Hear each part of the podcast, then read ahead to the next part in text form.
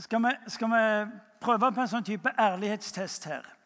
Hvor mange av dere har altså nyttårsforsett? Kom an!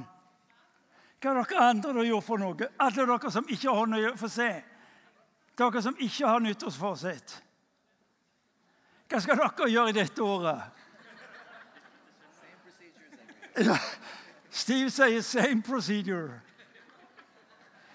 Du, altså, dere, Har dere ikke skjønt det? Det er viktig å få en sånn en en sånn type markeringspost eller rundingsbøye hvor du får sjanse til å stoppe opp og trekke pusten. For så å orientere seg mot noe som er nytt. Nyttårsforsett. Noen sier ja, men det er bare tall.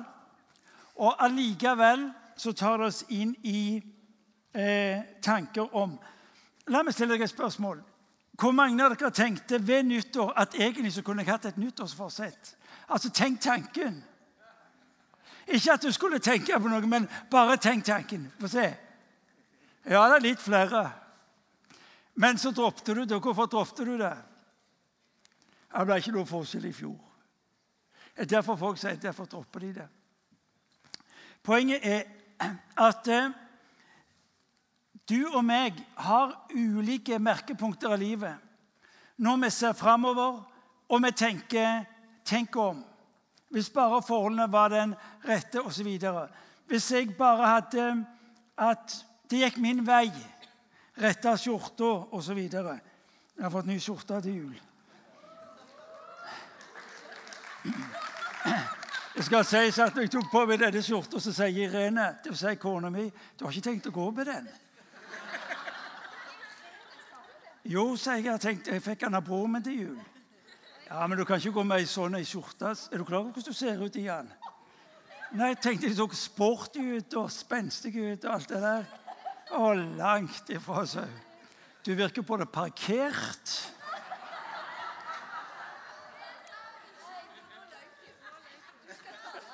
Da sitter de på første benk og prøver å korrigere. La meg antyde det var ikke langt ifra. Det var noe av budskapet om å være satt og alt det der. Uansett, jeg tenkte det var viktig for meg å matche fargen bak her. Men du, har du lagt merke til hva som skjer hvis du bare får de rette tingene som trigger, som slår inn, og du tenker ja, kanskje noe sånn. Ja, altså nyttår, gode forsetter. Noen av dere har definitivt ikke tenkt på det. Dette med skjorta var bare et sånn et, uh, avsporing. Men du og meg har noe i oss som ligger dypt og grunnleggende. Det er at hvis bare forholdene legger seg til rette, da skal tingene enten bli virkeliggjort, drømmer jeg har, skal bli fullført, ting jeg ønsker å oppleve, ting jeg ønsker å gå for. Hvis bare tingene legger seg til rette. Og så ender vi opp igjen og igjen med å si ok, vi hadde nyttårsforsetter. Ingen hemmelighet, jeg hadde det før, har det ikke lenger. Stadig vekk så var det det, det skal gå for. Og så gikk det en stund, og så på et vis så bare forsvant det hen. Men det som går igjen hos oss og hos deg og meg, det er at hvis bare forholdene legger seg til rette Hvis bare forholdene legger seg til rette Du skal i dag høre en tekst hvor Bibelen formidler til oss at Gud har tanker, planer, forventninger for ditt liv, for det år som ligger foran som ikke er betinget av omstendighetene, men som tar utgangspunkt i hva han sjøl vil gjøre. Og det gir meg for 2013 et gigantisk utgangspunkt. For tenk tanken. Gud har altså planer for ditt liv, tanker for ditt liv, i det året som ligger foran. Og han tar ikke utgangspunkt i omstendighetene. Han tar ikke utgangspunkt i det som burde vært annerledes. Vi skal lese en tekst fra eh, Det gamle testamentet, Jeremia kapittel 29. Folket har vendt Gud ryggen på mange ulike måter. Konsekvensen er at de blir underlagt en annen makt. Eh, Nebukadneser, eh, kongen i Babel. Og så blir de altså eh, ført i eksil. Og så skjer det og hør. Eh, de er fortvila. De er redde. De er altså under fangenskap. Hva skal vi nå gjøre? Og Det som skjer, det er altså at Gud taler inn i denne situasjonen. Og det han sier, det er Bygg dere hus og bo i dem. Du må få tak i. Altså, Israelsfolket var nå i eksil. De var flytta fra Jerusalem og de var flytta til Babel, hvor de altså levde under et annet regime. Under en annen kultur. Alt var totalt forskjellig. Og så lyder det fra Gud til folket. Bygg dere hus og bo i dem. Plant dere hager og spis frukten. Ta dere koner og få sønner og døtre. Ta koner til sønnene og gift bort døtrene deres, så de kan få sønner og døtre. Dere skal bli flere og ikke færre. Dere skal fremme fred for den byen som jeg har ført dere til i eksil, og be til Herren for den. For når den har fred, har også dere fred.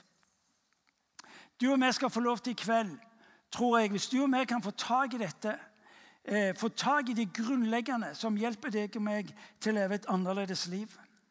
Bakgrunnen er folket har altså valgt å vende Gud ryggen. De ender opp i en håpløs situasjon i eksil, fangenskap og vanskelige omgivelser.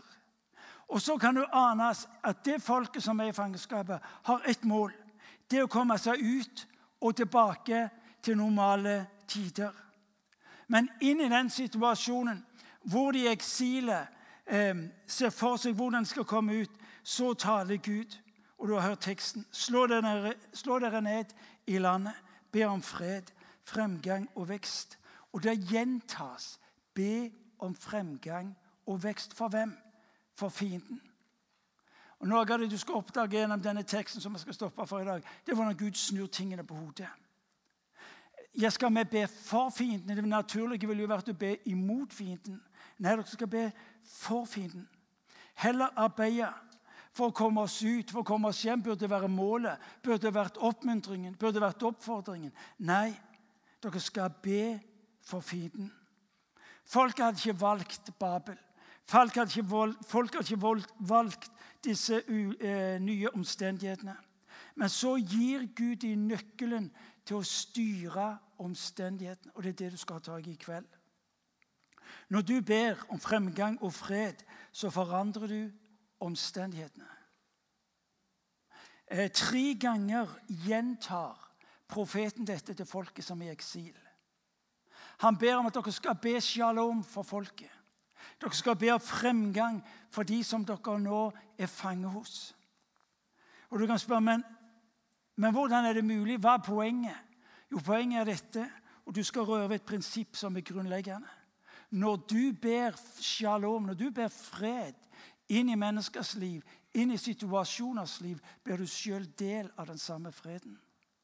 Når du ber fremgang for de som du eh, har vanskeligheter med, så blir du sjøl del av en fremgang som Gud har for ditt liv. Det er akkurat som du sjøl får lov til å gå inn under Guds fred, Guds fremgang. Når du tenkte at her er det hatet som skal få råd, her er det krigen, her er det motstanden som skal få lov til å kjennetegne oss, så sier Gud, be om shalom. Be om fred. Be om fremgang. Og Det er uhyre interessant å se hvordan Gud igjen og igjen tar oss inn i og skal tenke annerledes. Når du ber fremgang og fred, så forandrer du omstendighetene. Først ved at du forandres, deretter dine omgivelser og omstendigheter. Du identifiserer deg nemlig med det som er Guds ønske for omgivelsene. Når dette blir din bønn, blir du også del i Guds kraft til å endres. Hør nå igjen. Når du befinner deg i det som er vanskelig, så inviteres du inn til å opptre og handle som Gud handler. Så ofte så ba vi om at Gud å fjerne det vanskelige og ta oss ut av det vanskelige. Så ofte så ba vi Gud om å løse opp i det som var vanskelig. Det er et faktum at når din holdning går mot Gud for det som er vanskelig, så velsigner Herren deg til å bli i det som synes uvillig, umulige, og tro skapes. Du leser om Josef i første Mosebok, kapittel 39. Du hyrer igjen uhyre interessant. Moses, nei, Josef har altså som ungdom hørt Guds profetier på sitt liv. Profetier om posisjon, om herredømme, om makt og innflytelse. Det som skjer med Josef, det er at han istedenfor blir altså solgt som slave og ender opp i Egypten. Ender opp hos Potifar. Men det som er for eh, Josefs situasjon, at han mister ikke ordet på sitt liv fordi han ender opp i det som synes motsetning til det ordet har sagt. I den situasjonen er det og La oss lese hva som står i, eh, i Første Mosebok, kapittel 39. Første Mosebok, kapittel 39. Herren var med Josef og lot ham lykkes. Han ble boende i huset til sin egyptiske herre. Herren hans så at Herren var med ham og lot ham lykkes i alt han gjorde. Josef vant velvilje hos Herren sin og ble hans tjener. Potifar satte ham til å styre sitt hus og lot ham ta hånd om alt han eide. Også fra den tiden Egypteren satte ham over sitt hus og alt han eide, velsignet Herren hans hus på grunn av Josef. Herrens velsignelse hvilte over alt han eide, både i huset og på marken. Han lot Josef ta hånd om alt han eide, og bekymret seg ikke for noe, bortsett fra maten han spiste. Josef er i en umulig situasjon. Han er slave. Men Guds velsignelse og nærvær over hans liv slutter ikke å eksistere. Det er ikke slik at fordi om du fordi om du kommer i den vanskelige situasjonen, så er det slik som om Guds velsignelse og Guds fred forsvinner. Josef ble vitnesbyrd om at inni det som var vanskelig, var Gud nær. Og Vi møter en måte å tenke på som vi møter også i vitnesbyrdet i Jeremias. De situasjoner du kommer inn i, de blir utgangspunktet til å be om fred og be om velsignelse. Ja, Hvordan kan du mene? Jo, for det er Guds, Guds mål for ethvert menneske er shalom. Guds mål for ethvert menneske er fremgangen. At mennesker skal ha det godt.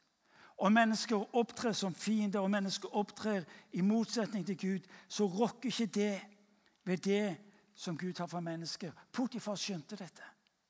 Potifar, som var eh, slaveeieren, han så på Josef sitt liv at Josef ble til velsignelse for hans virksomhet. Jeg har sagt det før, og hør det igjen.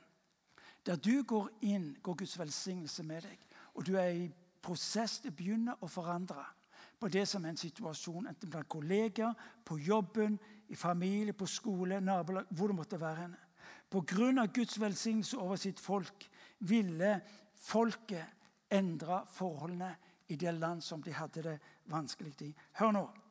Til tider endrer ikke Gud vår situasjon. Han oss, men han lar oss få lov til å erfare nærvær og nåde i situasjonen.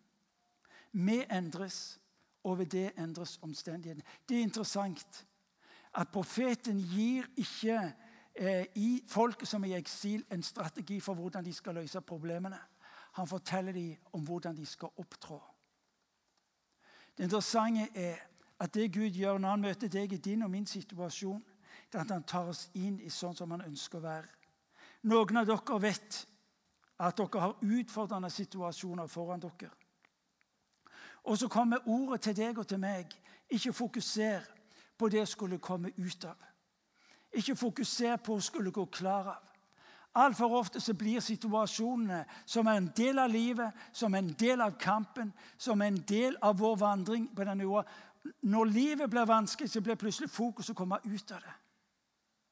Hørte du som starter et nyttår, og som opplever at livet er krevende? Når du skal få lov til å se etter den døra som hjelper deg ut av. Men for mange så ble livet så stressende og så krevende at det var det eneste de så. Israelsfolket fikk beskjed om hør nå, det som vil være redningen for dere, det er at dere ber velsignelsen, ber shalom over folket. Jeg vet ikke hva bønn du skal be for det som er din situasjon. Men du kan få lov til å gjøre det så enkelt og si Jesus, hva, hva trenger jeg å be om nå? Slik at jeg ikke går unna av det jeg nå opplever. Hør nå. Det er mulig at Gud eh, lar deg være i den situasjonen. og Hør dette riktig. Det er mulig at Gud eh, la deg være i den situasjonen fordi du skal få øye på hvem han er i ditt liv. Det er ikke Gud som fører deg inn i de vanskelige situasjonene. Jeg tror ikke det er Gud som eh, gir oss det som er vanskelig og ubehagelig, men det er en del av vandringen vår. Hør nå.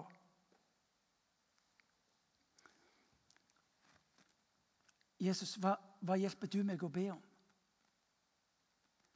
Og så er det slik at Av og til så må det være viktig for oss å bli værende i en situasjon. For at vi gjennom den situasjonen både skal få øye på hvem han er, hvem vi er, og så ser vandringen ut av dette. Eh, av og til så blir det slik også når vi omtaler ja, jeg har en ørkentid i mitt liv. Jeg er ikke sikker at ørkentida er så farlig. Fordi at ørkentida er faktisk en periode i livet mitt hvor jeg ser nye ting. Som hjelper meg til bevissthet på hvem jeg er.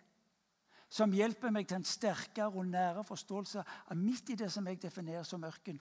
Der har Jesus sagt at der vil han være.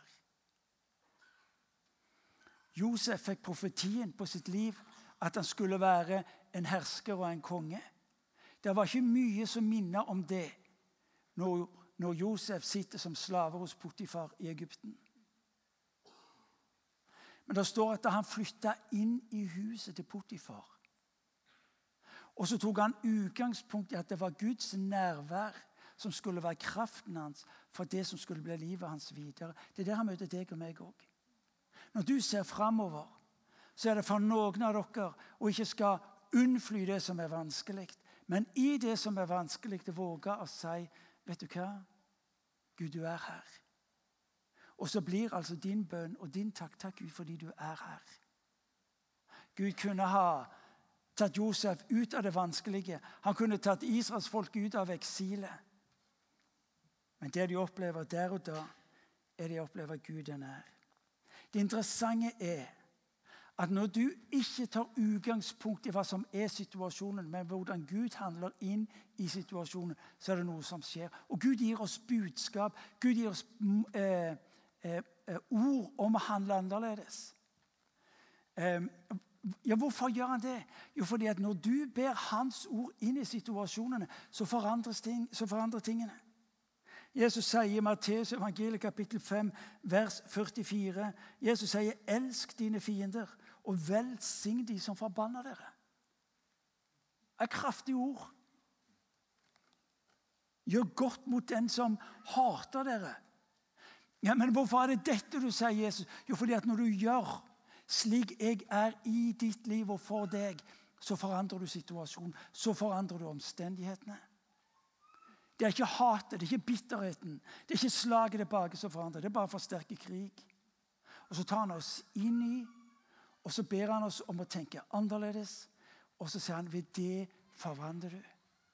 Dere har hørt meg har sagt det før, og jeg, kan gjenta det.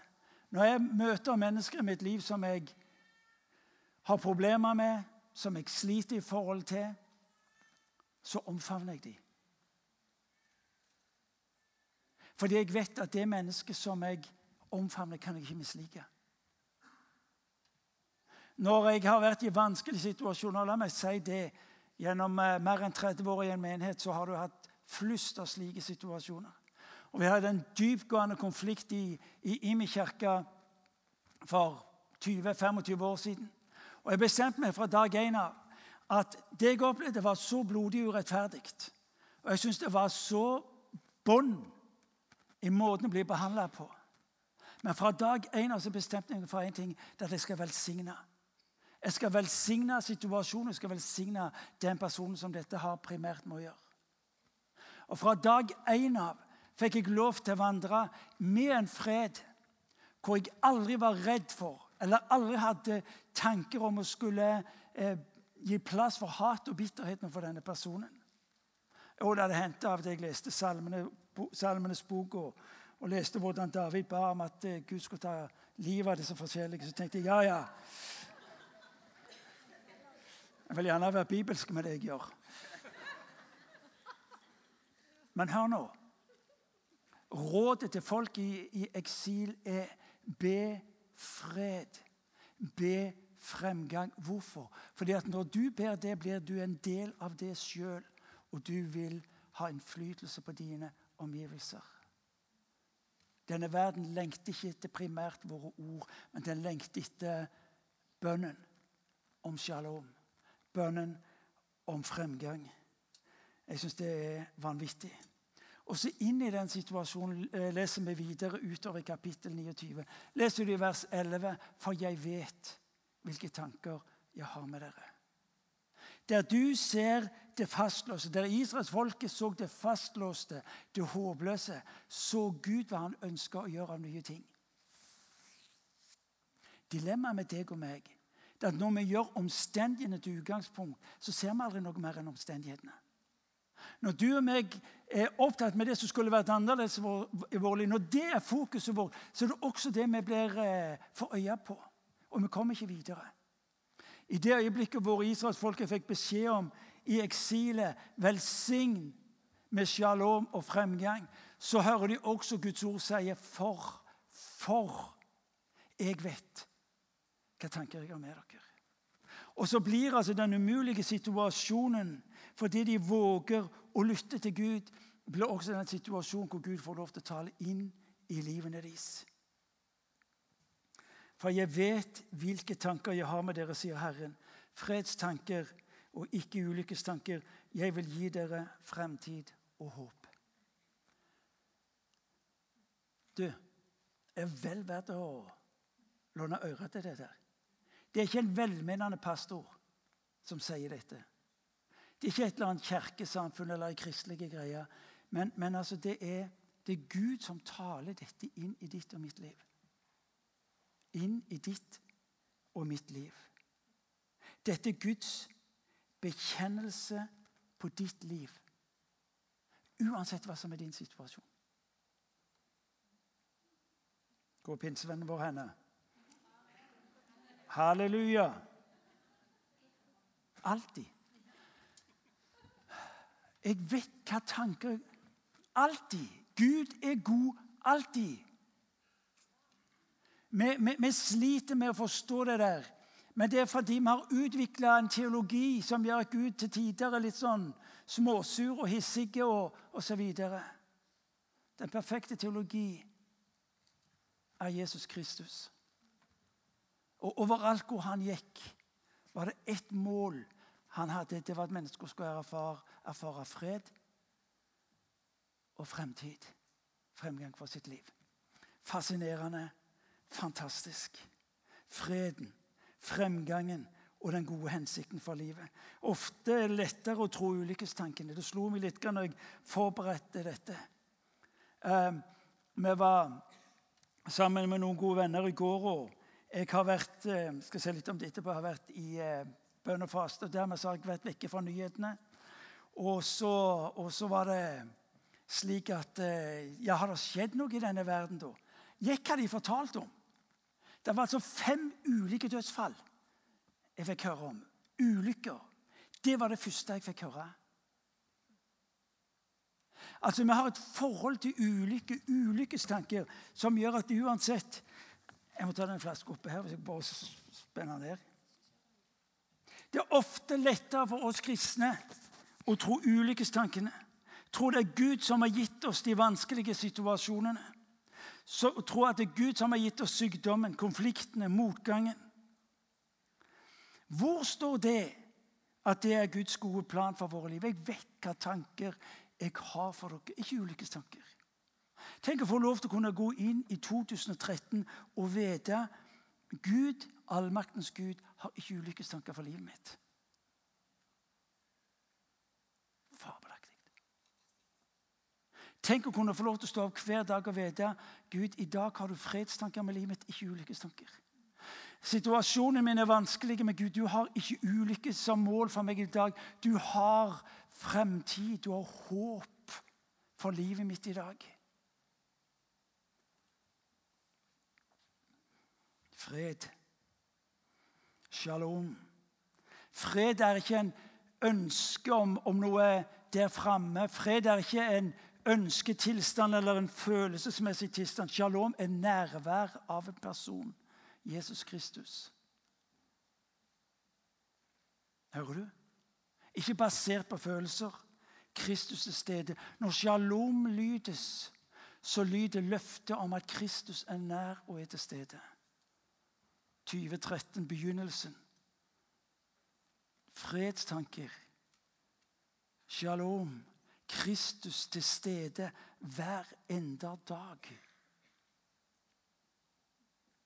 Fremgang for hele livet. Når det snakkes om fremtid, så kan du oversettes ordet også med fremgang. Velmakt. Fremgang for hele livet, på alle plan. Relasjoner, jobb, skole, økonomi. Gud ønsker fremgang for livet ditt. Hører du? Gud ønsker fremgang for livet ditt. Du er skapt med en hensikt. Du er på denne kloden med en hensikt. Du er skapt, du er frelst, du er utrusta med en hensikt. Du er ikke en tilfeldighet, men du er i denne verden for å virkeliggjøre Guds planer med ditt liv. Det han har gitt deg. For jeg vet hva jeg tenker for deg. Jeg begynner å nærme oss slutten.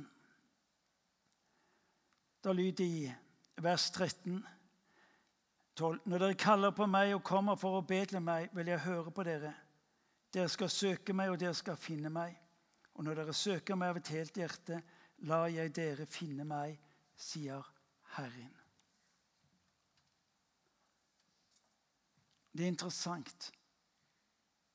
Men når Jesus skal løfte fram det som blir summen av det han har talt til de tidligere kapittel så er det at dere skal finne meg. Profeten har et budskap til oss i kveld. vet du hva? Det viktigste du treffer, møter, opplever, får gå sammen med, er Jesus Kristus. Søk meg, sier han. Ikke som en betingelse. Hør nå. Når jeg snakker om fred, når jeg snakker om fremgang, når jeg snakker om det jeg har for deg i denne verden, og jeg så sier 'søk meg', så er ikke det som en betingelse, men som en forutsetning. Gud krever ingenting for å gi deg det han vil gi deg, men det er en forutsetning. Og hør nytte hva er forutsetning? Hva er forutsetning? Forutsetning er det som muliggjør det som er lovet. Forutsetning det er det som muliggjør det som er lovt. Lyse dere vet hvem Lyse Det er de som sørger for mesteparten av strømmen i området. De lover strøm til alt i dette huset. De lover strøm til varme og til lys og alt andre vi måtte finne på. Men det er en forutsetning. Vi må skru på bryteren som kobler oss til lyset sitt nettverk. Er dere med meg? Det er en forutsetning, og det er at IMI er nødt til å koble seg opp til lyset sitt eh, elektrisitetsnettverk. Nettverk. Nett. Jeg nærmer meg, ikke sant vel, Arne?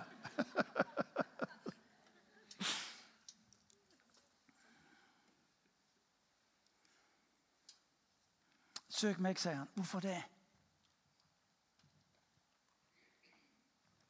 Slik at du kan bli kobla til.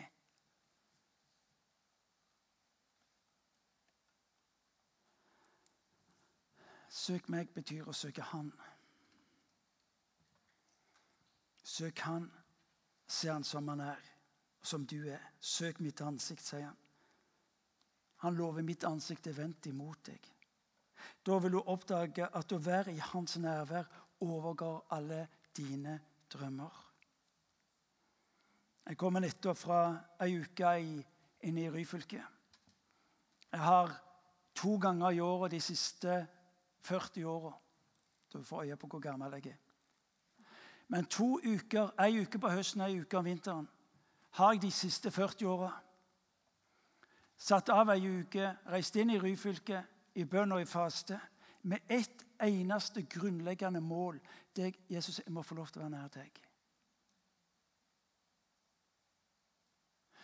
Jeg har lest nok bøker, og jeg har bøker hjemme for flere hundre tusen kroner. Det er på tide å gi dem ut hvis jeg skal bli ferdig. Men nå skal du høre. det viktigste i mitt liv, som gir meg driven til å være med og lede denne menigheten, det er nettopp det å få lov til å være nær Han og søke Han. Mitt utgangspunkt har aldri vært hva jeg har, men hva jeg mottar fra Jesus. Når du ser på hva Imi fremstår som i dag, er det mulig at hemmeligheten til dette ligger nettopp i å søke Han. Betyr dette at vi ikke skal bry om strategi? Å, langt ifra. Vi skal være de beste. Men nøkkelen til forandring ligger i å søke Han. Fred, fremgang og Guds gode hensikt er altså målet han har for deg. Ikke bare av og til, men hver dag. Derfor sier han i teksten som vi har lest, 'Søk meg av hele ditt hjerte'. Hvordan leve i dette? Hvordan? Hør nå. Tre nøkkelord. Det ene er holdning. Holdningen av å ville søke Han. Hvorfor gudstjeneste? Hvorfor lese i Bibelen? Hvorfor bønn? Jo, fordi at eh, jeg får sjanse til å søke Han. Jeg får hjelp til å søke Han. Alt det andre blir bonus. Det han inviterer deg og meg til, det er å søke Han. Det er holdningen han ber om. Når han snakker om dette hele hjertet, han snakker ikke om det perfekte hjertet. Han snakker ikke om det fullkomne hjertet. Han snakker ikke om det hjertet som er udelt, og som ikke er befengt, hva det nå måtte være. Han snakker om det hjertet som søker Han. Og hør nå godt etter. Det hjertet kan være fullt av mange ting. Men det bryr han seg ikke om. Fordi han vet at hjertet har retningen. Holdning er det ene ordet. Det andre ordet å handle. Skal du hvis du skal be, få lov til å leve det livet han har kalt deg til å leve i 2013, så er det andre ordet å handle. Og hør nå godt etter. Handle betyr å motta fra Han det han gir deg. Så ofte så ble det å skulle handle noe jeg skulle gjøre. Noe som hvilte på meg. Noe som jeg måtte finne fram til eller rydde opp i eller ordne i. Hør nå etter, for det er gedigent. Når Bibelen taler om å handle, så betyr det å ta imot det han gir deg. For, for det, det, du sjøl har, det rekker så langt det rekker, og akkurat så langt. Men det han gir, sprenger alle rammer og alle grenser. Det tredje ordet du må få tak i. Det første var holdning. Det andre ordet var handle, og det tredje er vane. Målet hans er at du og vi skal bli likedannet med Han som gir, og som du mottar ifra. Her Du trenger 31, 21 dager på å bli vant med en ny vane, en ny holdning. Kan jeg få lov til å utfordre dere for 2013? For det blir med utgangspunkt i en påstand. 2013 er nemlig i dine hender. 2013 er i dine hender. Det er ikke sikkert at 2013 blir slik som du skulle ønske det ble. Men 2013 er i dine hender fordi du får være en del av Guds gjerning for ditt liv. Derfor lyder det også til han, vær ikke bekymra for 2013. Ikke vær redd for det som du syns er vanskelig i dag når det gjelder 2013. Det er på et vis som han rydder det til side, så, så sier han én ting. 2013 er i dine hender. Fordi når du søker meg, er både du og året i trygge hender. Så ofte gjorde vi omstendighetene til utgangspunkt for våre valg. Profeten gjorde Gud til utgangspunktet, og omstendighetene ble forandra.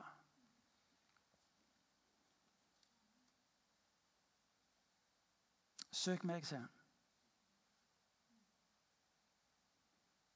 Handle på det jeg gir deg, og du vil se at livet ditt forvandles på en slik måte at omstendighetene ser det og forandres. La oss be.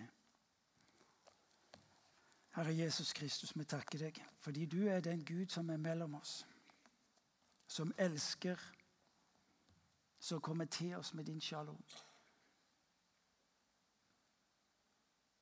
For jeg ber for den enkelte av oss som er her inne. Men jeg ber for at 2013 ikke skal bli en kopi av 2012. For vi ber om at du skal la 2013 bli et nytt nivå. En ny erfaring av hvem du er, og hva du gjør i våre liv og gjennom våre liv.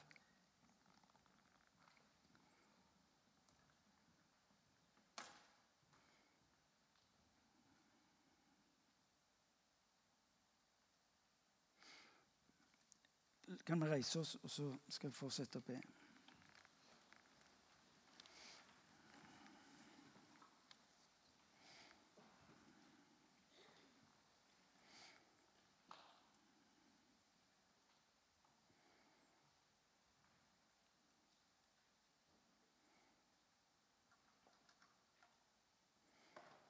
Herre Helligånd, jeg ber at du skal tale til oss her vi står for ditt ansikt. Her vi har kommet til denne gudstjenesten i dag for å søke ditt ansikt.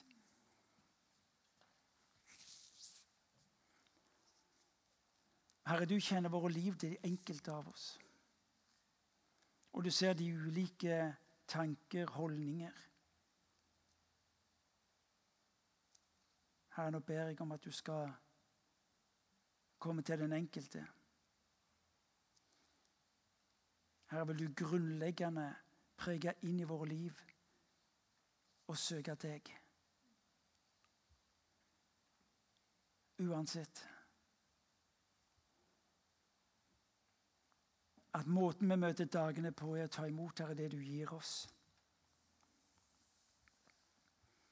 Slik at våre liv her kan bli likedannet med deg. Herre, du kjenner oss. Kom, Hellige Ånd. Kom, Hellige Ånd.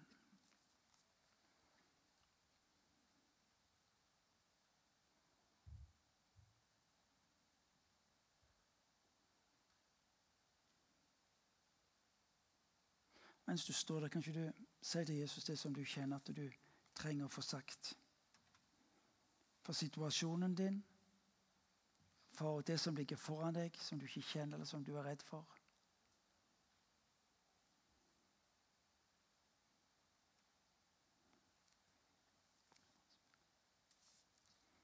Herre, vi takker deg fordi at du er her som den som elsker.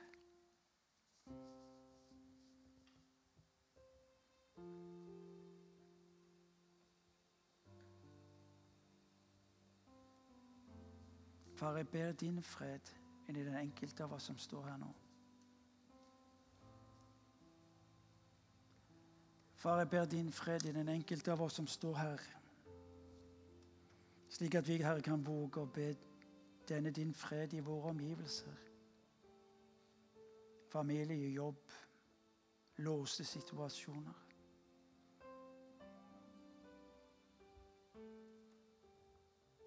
Far, jeg ber om fremgang, Herre, i den enkeltes liv, Herre.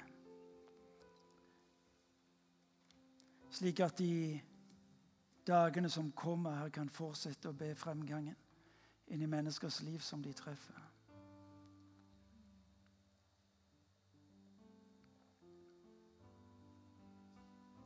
Far, jeg ber din ånd inn i den enkelte av oss som er Herre. Slik at vi Herre kan i dagene som kommer, få lov til å be din ånd, Herre inn i det som var dødt, inn i det som var ødelagt, det som var gått til grunne. Kom, Hellige Ånd.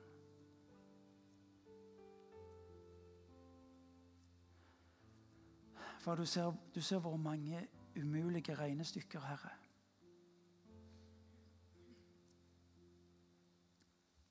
Takk fordi du du har kokt det ned, Herre, til dette ene å søke deg.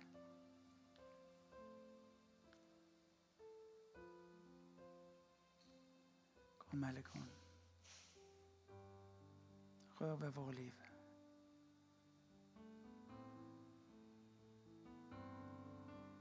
Far, så ber vi ber vi ditt shalom over, over byen og landet vårt, Herre. Herre, vi ber din fremgang over byen og landet vårt.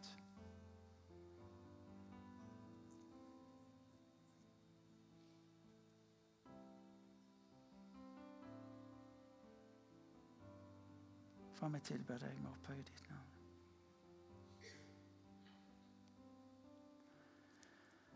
Og kanskje er du her inne som ikke er en kristen.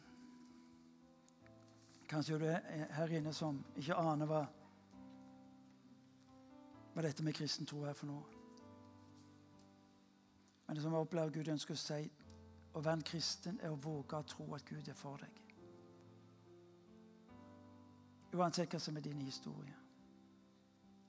Å være en kristen vil si å våge å tro at Gud er for meg.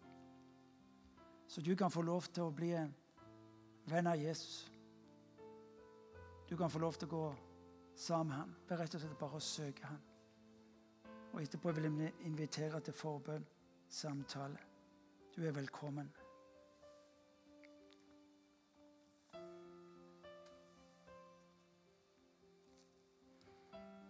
Herre, vi takker deg for ditt grenseløse løfte om ditt nærvær, ditt shalom og ditt løfte om å ville fullføre det du har begynt på i vårt liv. Tilber deg og opphøye ditt navn, Jesus. Amen.